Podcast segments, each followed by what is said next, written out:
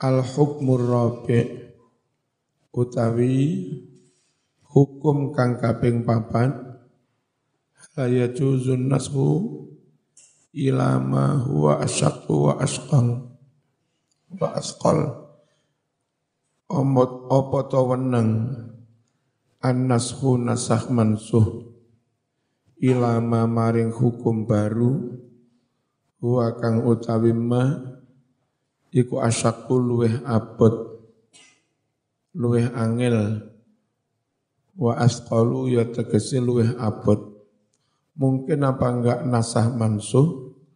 Ternyata hukum yang berikutnya malah lebih berat. Qala dawuh Sopo al-imamul fakhr?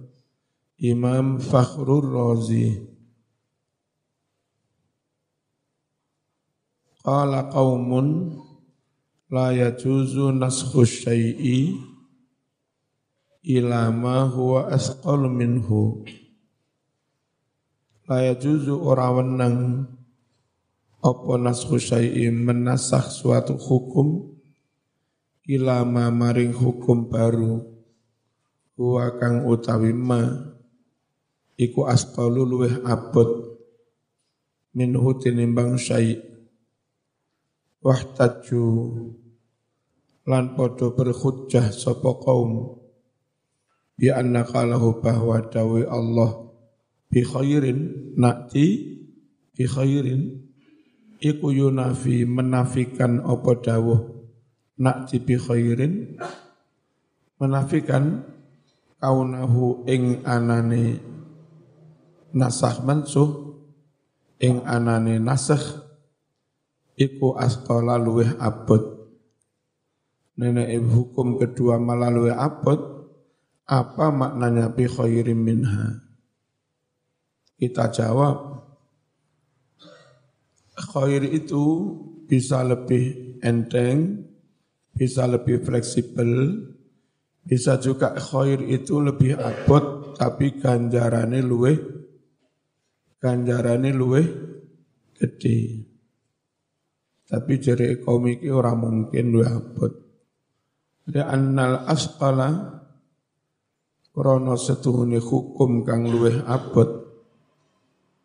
Krono setuhune hukum kang luwe abot iku layakunu ora ono opo asqal ora niku khairon luweh bagus minhu tinimbang mansuh wala mislahu dan tidak pula yang serupa. Wal jawabu utawi jawabe lima la yajuzu lima kena opo layak juzu orang menang an yakuna yanto ono al muradu bil khair kang dimaksudnya kelawan istilah khair. Ikum ma hukum yakunu kang ono opo ma? Ono iku aksara luweh akeh. Apa ne sawaban ganjarane? Fil akhirati ing dalam akhir. Kenapa tidak boleh memaknai khair? Dengan sesuatu yang pahalanya lebih banyak, yang otomatis bisa-bisa lebih ber, berat. Summa kemudian Innalladhi yadullu ala wuku'ihi Annallaha subhanahu nasakha fi haqqi az-zunat al-habsu fil buyut Suma mengkonuli innalladzi setuhne hukum ya tulu kang nutuhake maaf. Innalladzi setuhne dalil. Ya tulu kang nutuhake apa ladzi? Nutuhake ala wuku atas terjadinya nasah kepada askol. Mana dalilnya? Di Quran ada peristiwa nasah menjadi lebih as asqal yaiku annallaha setuhni Allah subhanahu wa ta'ala iku nasakha menasah sop Allah. Fi haqqi zunati. Hukuman bagi para pezina. Dihukum apa? Al-habsa.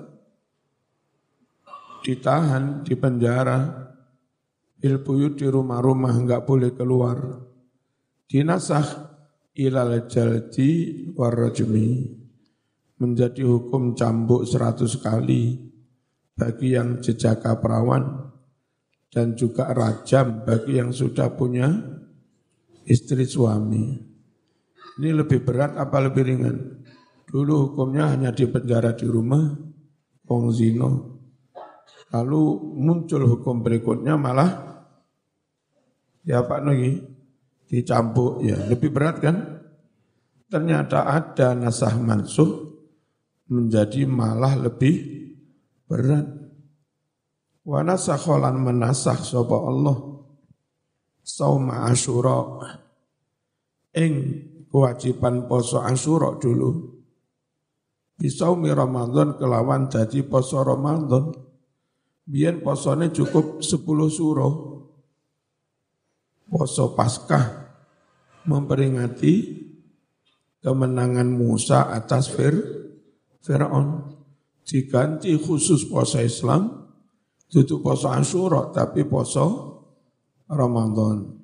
Bisaumi Ramadan diganti kelawan puasa Ramadan. Wa kanat lan ono apa salatu salat biyen on iku rakaat ini rong rakaat sebelum Isra Mi'raj salat itu hanya dua rakaat itu pun hanya pagi dan sore setelah Isra Mi'raj dadi limo, ono sing telu, ono sing papat, ya. Fanusikhat moko nasah apa salat dua rakaat? Di arba'in kelawan wajib patang rakaat. Fil hadori ono ing omah. Tapi le musafir oleh kosor tetap lo loro. Ila arafta hadha nalika wis ngerti sapa sira ing iki-iki peristiwa ternyata pernah terjadi nasah mansuh menjadi lebih ber, berat. Ada juga fanaqulu wong ngucap sapa ingsun eh, Amma naskhu syai'i ilal asqal Anapun utawi menasah suwijine hukum maring hukum kang luwih abot. Ini kapan-kapan ana sing ngecek mik ya? Abot. Terus lek ana sing pinter mik iku wis nugas no arek belajar sampai saison kepada sing iso ya. Dan enggak sering ini kabut. Wingi sempat banter dulu ngene mana. Amma naskhu syai'i anapun utawi menasah sesuatu ilal asqal maring hukum kang luweh abot faqat waqa'a teman-teman wis tumiba kedadian fil amsilatil mazkurah ing dalam piro-piro contoh kang wus sebut. Wa amma naskhuhu ilal akhaf anapun utawi menasah bareng. Maring hukum kang luweh enteng binasah kepada yang luweh enteng yaiku fakanas khil iddah koyok dinasahnya iddah perempuan yang ditinggal mati min haulin dari wajib iddah setahun ila arba'ati ashur jadi mung patang bulan wa asrin tambah sepuluh dino. Wa kanaskhi salatil laili lan koyok dan nasah wajib.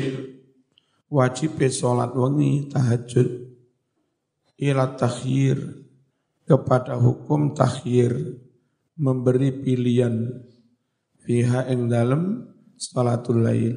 Dulu tahajud itu wajib dulu. Kemudian dinasah menjadi boleh memilih, boleh sholat, boleh di, tidak menjadi sun, sunnah.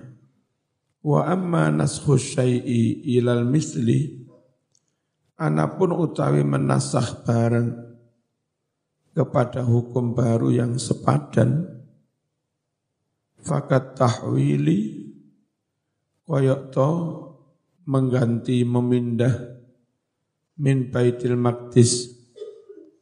Kiblat saking baitul maqdis ilal ka'bati maring madhep Ka'bah.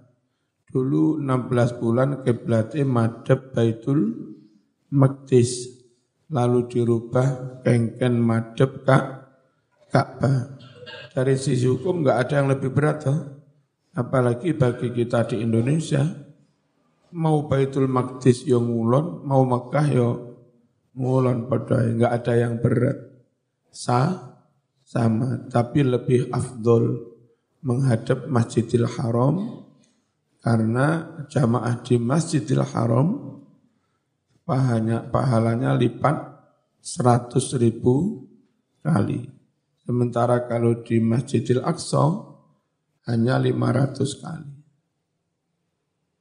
Dipindah kepada hukum baru yang berat ringannya sama, tapi ganjarannya lebih af, afdol. Al-hukmul khamis utawi hukum kang kaping limo yaiku hal yaqaun naskhu fil akhbar apa tau kejadian terjadi. Apa an-nasku nasah mansuh fil akhbar ing dalam kalimat berita. Jadi koyok-koyok keliru. Biar diberitakan yang suara iku onok metodari baru uno diberitakan mana eh keliru-keliru enggak sido enggak sido deng rasidono ada apa enggak menghapus beri berita nasah fil akhbar. Enggak mungkin. Sebab kalau berita itu dihapus, dibuat berita yang baru, berarti berita lama itu bo bohong ya. Dan enggak mungkin Allah Rasulullah bo bohong. Jumhurul ulama utawi akeh-akeh ulama yaiku berpendapat ala anna naskha mukhtassun bil awamir wan nawahi. Berpendapat bahwa setuhune nasakh mansuh iku mukhtassun dan khususake bil awamir kelawan ayat-ayat perintah wan nawahi lan ayat-ayat larangan. Wal khabaru la yadkhuluhun naskhu. Sedangkan utawi kalam khabar, kalimat berita, Lait kulu tidak bakal masuk hu ing kalimat berita opo anasku nasah mansuh. Jadi mustahil dalam kalimat berita terjadi nasah mansuh. Listihalatil kadhib krono mustahile goro alallahi ing Allah. Jadi mustahil Allah itu goro. Waqila dan dawuhake innal khabara idza tadammana hukman syar'iyyan jaza naskhu. Setuhune kalam khabar iku idza tadammana nalika mengku mengandung hukman syar'iyan hukum syar'i jaza mongko wenang apa naskhuhu menasahnya kaqauli kaya dawe Allah taala wa min samaratin nakhili wal a'nabi tattakhiduna minhu sakara wa rizqan hasana saking pira-pira wayu kurma wal a'nabi lan anggur tattakhiduna padha gawe sira kabeh sakaron minuman yang memabukkan minhu dari buah kurma atau anggur. Nah ini bisa dihapus karena meskipun ini kalimatnya berita, Sejatinya isinya tentang dulu kamu dibolehkan memproduksi minuman yang memabukkan terbuat dari khomer dan apa ang eh, terbuat dari kurma dan anggur. Nah sekarang sudah dihapus eh, enggak boleh memproduksi membuat minuman memabukkan dari kurma dan anggur. Qala Ibnu Jarir At-Tabari yakni negesi sapa Allah jalla sana'u jalla agung banget. Apa sana'u pujaan kepada Allah. Biqauli kelawan dawi Allah manangsah min ayatin au nungsiha. Ayat tegese ma ing hukum-hukum nangkul yang mana kami memindah min hukmi ayatin dari hukum suatu ayat ila ghairihi kepada hukum yang lain.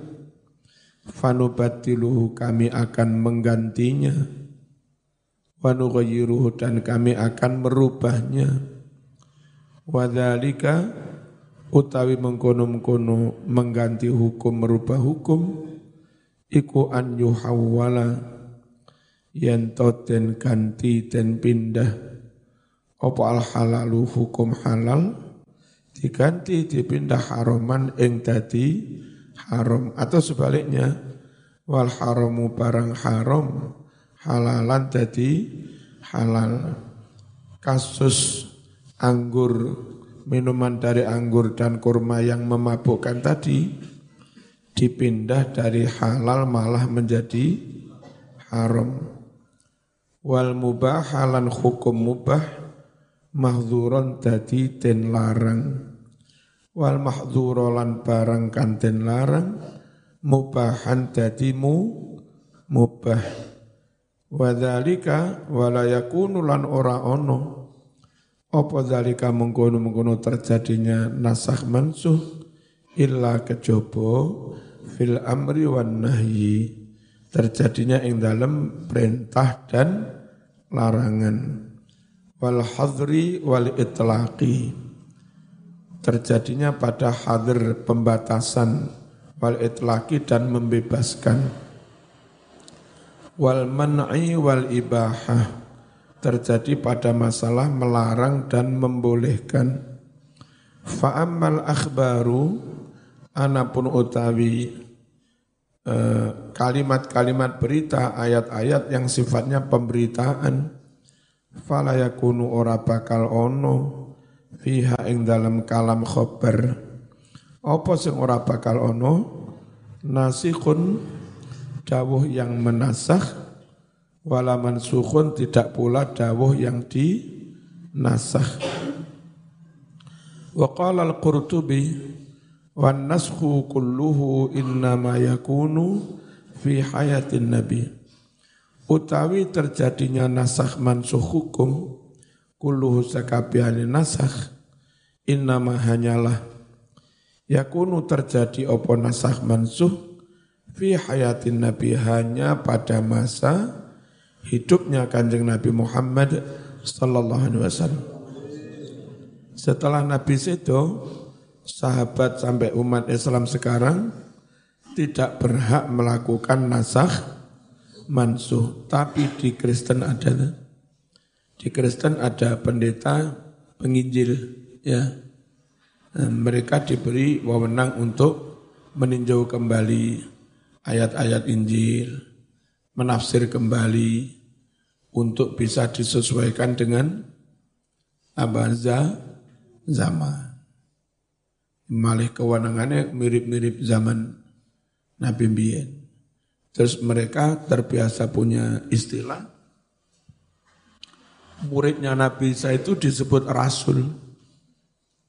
Nabi Isa diangkat Allah itu meninggalkan 12 Rasul yang masing-masing telah diajari in, Injil. Dari 12 Rasul itu terus ada macam-macam Injil yang B, beda di antara 12 itu. Ada yang uh, Luko, Lukas, ya. Ada yang Matta, Matius. Ada yang Yunus, Yoha, Yohanes, Lukas, Matius, Yohanes. Ada yang Markus, ya. Ada yang Samun, Simon. Kalau Arab menyebutnya Samun, Barat, Barat menyebutnya Simon.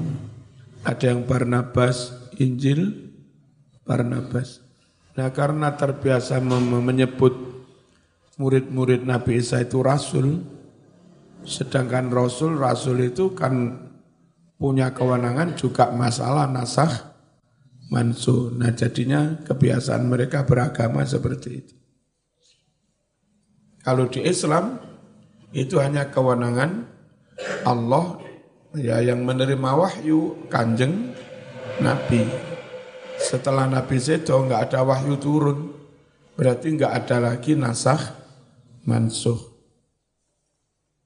Wa amma ba'da mautihi wa istiqrari syariah, anapun sakwuse sedone Muhammad sallallahu alaihi wasallam lan sakwuse mapannya stabilnya hukum syariat fa ajma'at mongko wis padha mupakat sapa al ummatu ummat annahu sesungguhnya setelah matinya Nabi Muhammad sallallahu alaihi wasallam iku la tidak ada lagi nasakh mansuh wali hadza krana ikilah kana ono apa al ijma'u ijma' para ulama iku layan sahu layan sahu ora bakal dinasah jadi dulu ulama ijma' uh, togel haram lalu kumpul kembali menyatakan eh diralat togel nggak jadi haram nggak akan terjadi Ijma iya ijma sudah terus berjalan. Enggak akan terjadi nasah mansuh dalam ijma. Karena masanya sudah setelah zamannya kanjeng Nabi. Yang perlu ditanyakan kepada Nun Sewu kasus di Muhammadiyah.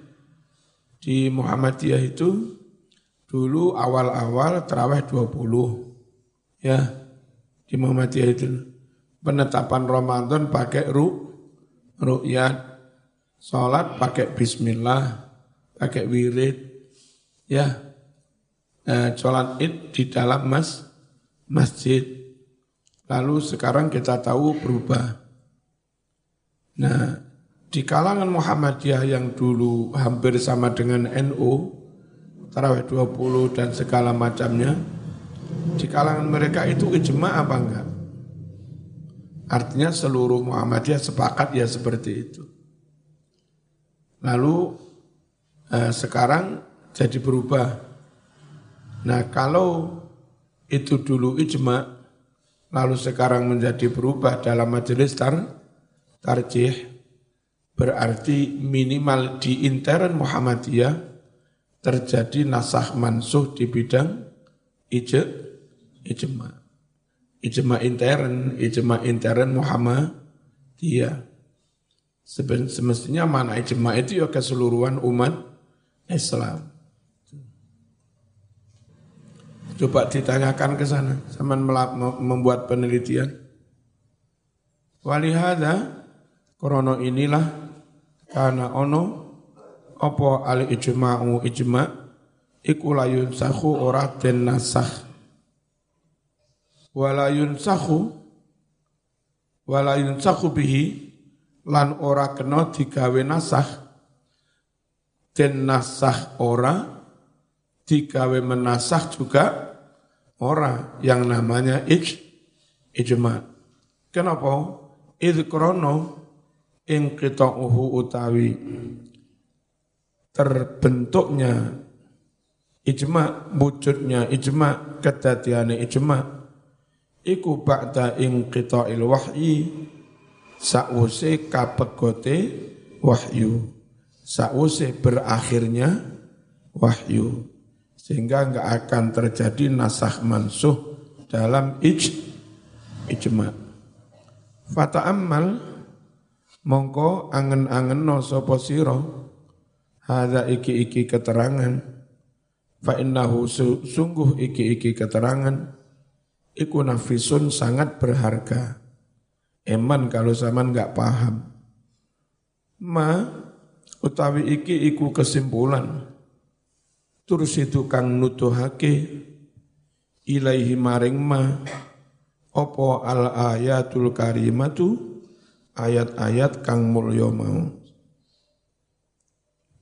Kesimpulan pertama, naskul ahkami utawi menasah hukum iku jaizun wenang bil ijma kelawan ijma'e ulama kama dalla kaya kang wis nutuhake ala dzalika atas terjadinya nasah mansuh apa alkitab wa sunnatu Quran hadis yang kedua ra'at us anggateake apa syariatul gharra syariat kang padang, padang jinggrang. Memperhatikan masalihal ibad, ing piro-piro faktor kemaslahatan umat manusia. Jadi syariat Islam itu dalam mensyariatkan hukum sangat memperhatikan faktor kemaslahatan, fleksibel ora kaku. Walidalan krono ikilah waqa'a wus terjadi kedadian apa an-nashu nasakh mansuh fi ba'dil ahkam ing sebagian hukum-hukum. Nomor telu kesimpulane an-nashu la yakunu fil akhbar utawi nasakh mansuh iku la yakunu ora bakal kedadian fil akhbari ing dalam kalimat ayat beri berita wal qasasilan tentang kisah-kisah.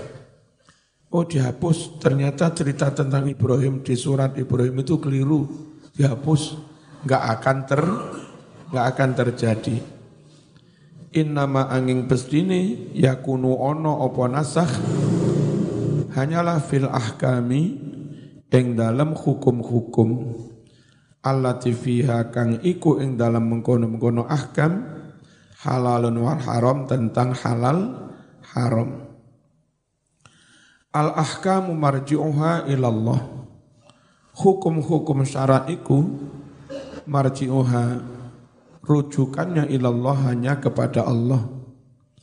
Alladhi yasra'u li ibadihi yang mana Allah mensyariatkan untuk para hambanya mensyariatkan ma ing hukum-hukum syarak fihi kang iku ing dalam ma khairuhum wa sa'adatuhum. Kebaikan ibad dan kebahagiaan ibad. Yang dimaksud hukum rujukannya hanya Allah itu hanya hukum syarak. Kalau selain hukum syarak menungso kerajaan pemerintah wali kota boleh membuat hukum tapi bukan hukum syarak ma'arif lek dino Rebu Kemis gawe badik ngene itu bukan hukum syarak, hukum intern di lingkungan ma'arif boleh ya untuk kemaslahatan mereka. Bocah pondok sing seumur SMP SMA dilarang bawa HP. Itu boleh membuat hukum inte intern. Orang kena dilarang mana dalilnya? Ini bid'ah enggak ada dalil macam. Polisi nggak aturan untuk Indonesia nyimpang ngiwo nyalip nengen ya sejak zaman ngotot malah yang menyimpang nengen apa melawan arus kok melawan arus wajib lewat sana nggak ada dalilnya kamplengi polisi ya lah repotnya konco-konco yang sering demo Hukum hanya hukum Allah. Hukum hanya hukum Allah. Ini hukum tauhid semua. Yang tidak demo wong goblok-goblok gak tahu ngaji ngene-ngene.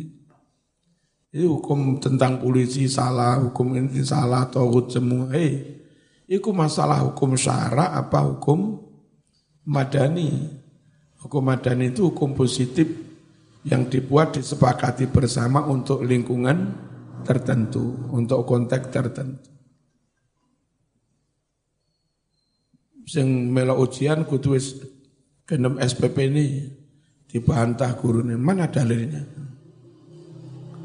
Jere gurune sing engkel dikamplengi. Mana dalil? Ini dalil pleng.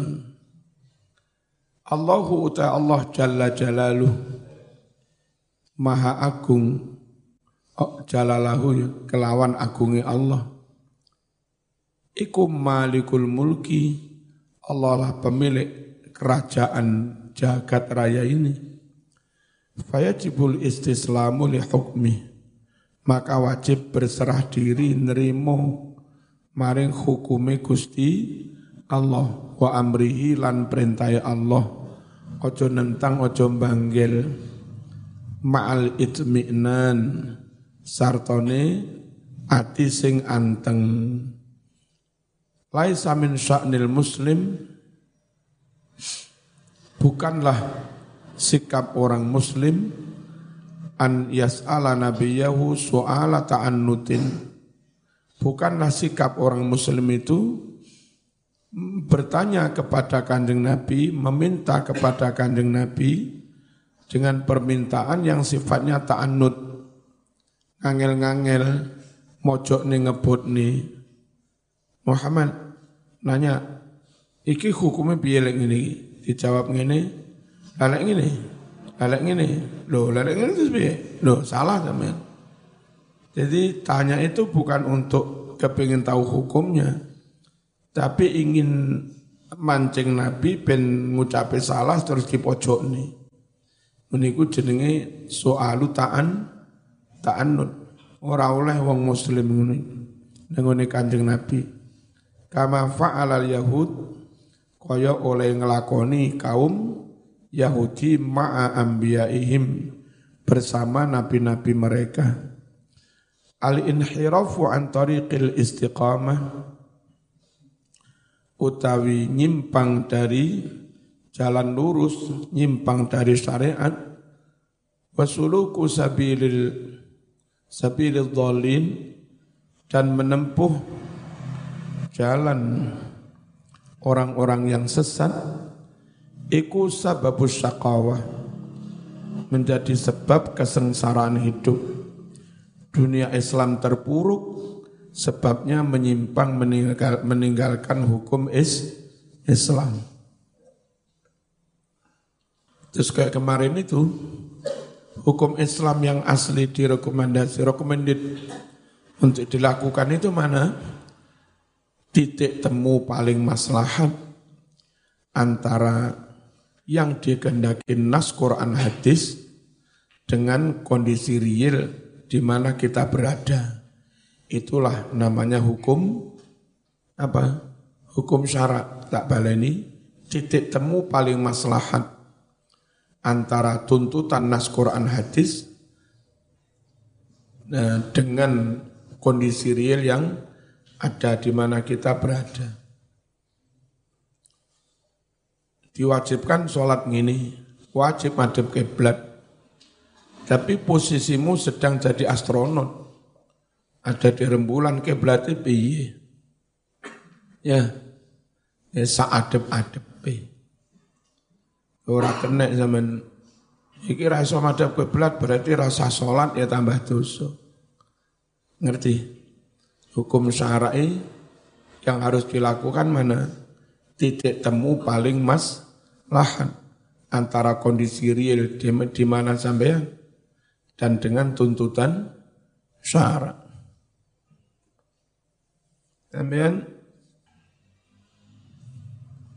diharamkan mangan bangkai, tapi kenyataannya zaman hidup di wilayah kalau nggak makan bangkai mati. Karena dalam kondisi daru, darurat, makan aja bangkai. Jadi bangkai haram. Jadi sekali lagi, titik temu itulah namanya hukum, hukum syarat.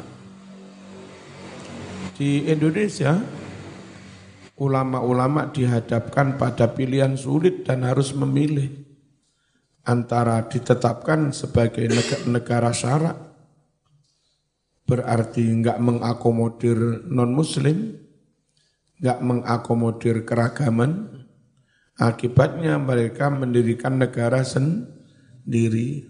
Negara yang baru seumur jagung merdeka harus perang saudara. Belanda masuk lagi. Indonesia berpecah telah jadi negara kecil-kecil yang mudah diadu domba. Dan itu enggak masalahan untuk bangsa dan enggak masalahan untuk Islam minoritas di luar Jawa. Kalau sampai Maluku jadi negara Kristen, bagaimana nasib Muslim? Ya habisi, diusir, dibunuh, dipaksa murtad. Karena negaranya Maluku jadi negara Kristen. Pada ada Raja Babula dulu, ya kerajaan Babula hilang semua dan itu merugikan is Islam. Sementara kalau di model NKRI memang kita harus ngayomi non Muslim di Jawa, di Madura, di Sumatera. Tapi minoritas non Muslim di Papua, di NTT juga terayo, terayomi, enggak jadi murtad. Itu pilihannya antara jadi negara syar'i atau negara yang ngayomi semua semua. Ditimbang-timbang Me, mengayomi non muslim di luar Jawa itu perintah syarat. Menerapkan menerapkan hukum syarat juga perintah syarat. Nah, terus kalau meninggalkan ini apa jebol ininya meninggalkan ini jebol ininya. Ulama menimbang eh, jebol dari sisi pelaksanakan hukum syar'i yang far'i, far'iyah furu itu mudorotnya lebih ringan daripada jebol yang satunya apa sampai Papua merdeka, NTT merdeka, Bali merdeka. Jebolnya itu lebih berat. Non muslim di non muslim yang berkuasa, muslim di usir, dibunuh, dipaksa murtad, itu lebih doror, apa bahayanya, bahayanya, resikonya lebih bes, besar. Nah ketika ulama-ulama memilih ini, itu bukan meninggalkan hukum syarat, itu melakukan pilihan yang juga tuntutan syar, syar'i, yang menurut Kiai itu lebih berat, lebih besar, gitu. Paham ya? Ae. Teman ada milih bojo. Milih bojo solihah perintah syarak. Milih bojo sing ayu juga ono dalile. Milih bojo sing sugih ya ono dalile, milih bojo sing nasab ya ono dalile. Tapi permasalahannya sama dihadapkan pada eh, cingkrangnya sampean. Zaman sendiri rapat yang ganteng. Lek maksa golek sing ayu berdasar ngotot dalil iki apa payu zaman. Zaman sendiri rapat sugih. Lek ngotot pengen bojo sing sugih, alasane dalil hadis. Lah zaman apa payu? Karena kondisi real sampean juga cekak, cingkrang. Gak mungkin rabi golek wong wedok sing sem sempurna. Ya wis, Terpaksa dari empat kriteria itu zaman kurangi satu persatu. Gak pada ayu, gak popo. Gak pada suge, gak popo. Gak pada nasab, anak wong tukang becak. Gak popo. Nah soal sergap sholat, oh ini nggak bisa ditawar-tawar lagi. Akhirnya tinggal satu kriteria dok. Apa zaman meninggalkan hukum syarat? Iya rabi ora milih sing ayu nasab ini kan meninggalkan hukum syarat juga tapi dalam rangka melakukan hukum syarat yang lebih penting apa rabi ben payu. Sebab lek sampean ngotot kutu papat ki sempurna ra rabi-rabi. Malah meninggalkan hukum syarat yang lebih ber, berat. Ngerti ya? Itu namanya enggak meninggalkan hukum syarat satu ditinggal untuk melakukan perintah syarak lain yang lebih pen, penting. Padha Saman Arab sholat, anakmu kecemplung sumur. Apa ya saman panjat sholat aja, mari sholat anakmu mati. Ya ora mas. Menjaga nyawa perintah syara, jaga sholat juga perintah syara. Sementara jaga sholat engkongko kene. Ya selamatkan anakmu dulu. Setelah selamatkan anak, wudhu maneh sholat. Meskipun sampai waktunya ha, habis. Membiarkan sampai anakmu mati, dosanya lebih besar. Daripada sampai sholatmu kentean wak, waktu. Itu meninggalkan hukum syarak untuk untuk melakukan perintah syarak yang lain. Nah ini teman-teman yang HTI dan seterusnya, mereka demonya itu nggak punya pertimbangan begini. Begitu melihat kiai nggak ndang-ndang sholat, langsung kiai liberal, jam segini kok masih sholat. Tanpa tahu situasinya, eh ternyata kiai tadi baru menyelamatkan anaknya yang kecemplung sumur. Mereka tahunya pokok kiai ngelanggar syarat. Itu sudah dikatakan tohud. Dan mestinya itu kenapa ini terjadi? Oh karena ini, eh maklum. Kan begitu mestinya. Ya, onok maling. Maling ngelanggar syarat. Iya. Tapi saat turunnya dikepuk, kenapa? Ternyata dia kelaparan seminggu belum makan. Nah justru pemerintah jangan menghukum malah wajib memberi sangu pada dia sampai dia nggak kelaparan. Mestinya. Jadi hukum syara itu apa? Tuntutan titik temu antara uh, tuntutan nas Quran dan hadis dengan dengan kon, kondisi. Itulah hukum syara. Sholat kongkon ngadek, awakmu remek. Masa ya ngotot sholat ngadek kayak tambah mumet ras itu sholat. Sholatlah dengan du, duduk. Itu hukum sah, syarat. Orang kena wong sholat lungguh moro dalil kala Rasulullah sallallahu alaihi wasallam. Termasuk apa tadi? Nyimpang dari hukum syarat itu sebab keterpurukan. Ngene rungokno. Ngotot ngelakoni hukum syarat kecil sampai meninggalkan hukum syarat yang lebih besar itu sebetulnya termasuk menyimpang dari hukum syarat. Jadi wong zohire ngelakoni hukum syarat. Itu bisa-bisa sejatinya dia menyimpang dari hukum syarat. Kalau yang Anda pilih hukum syarat kecil sampai meninggalkan hukum syarat yang lebih besar. Uh, andai dandanan coba kami serban ikut syarat, Oke lah, mungkin hukum syarat. Tapi masih uh, apa? Masih open debat ya. Masih debat bisa terbu terbuka antara Nabi pakai jubah itu pribadi sebagai kebiasaan orang Arab apa memang itu tasyrik dan kalau memang bergamis berjubah itu syariat bukan tradisi Arab Bagaimana Abu Jahal juga berjubah. Bagaimana Abu Lahab juga berjubah. Bagaimana kafir Quraisy juga berjubah. Nah jadi jubah itu tradisi Arab apa?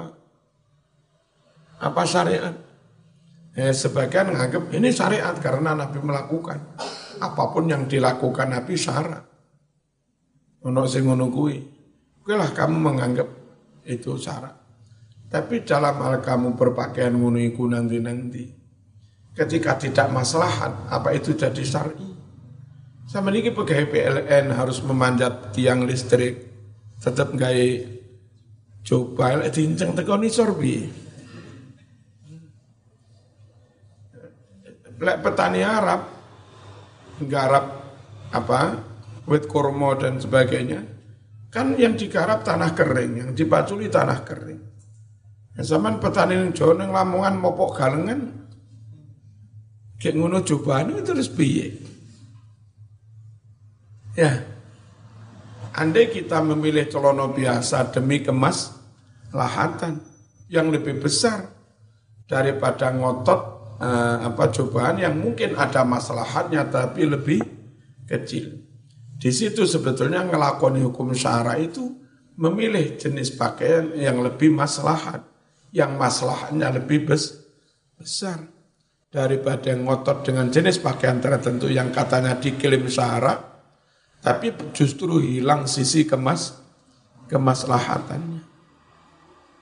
Nah, jadi, maksud kami begini, jangan kaku-kaku memaknai menyimpang dari hukum syara itulah sebab kehidupan negara terpuruk.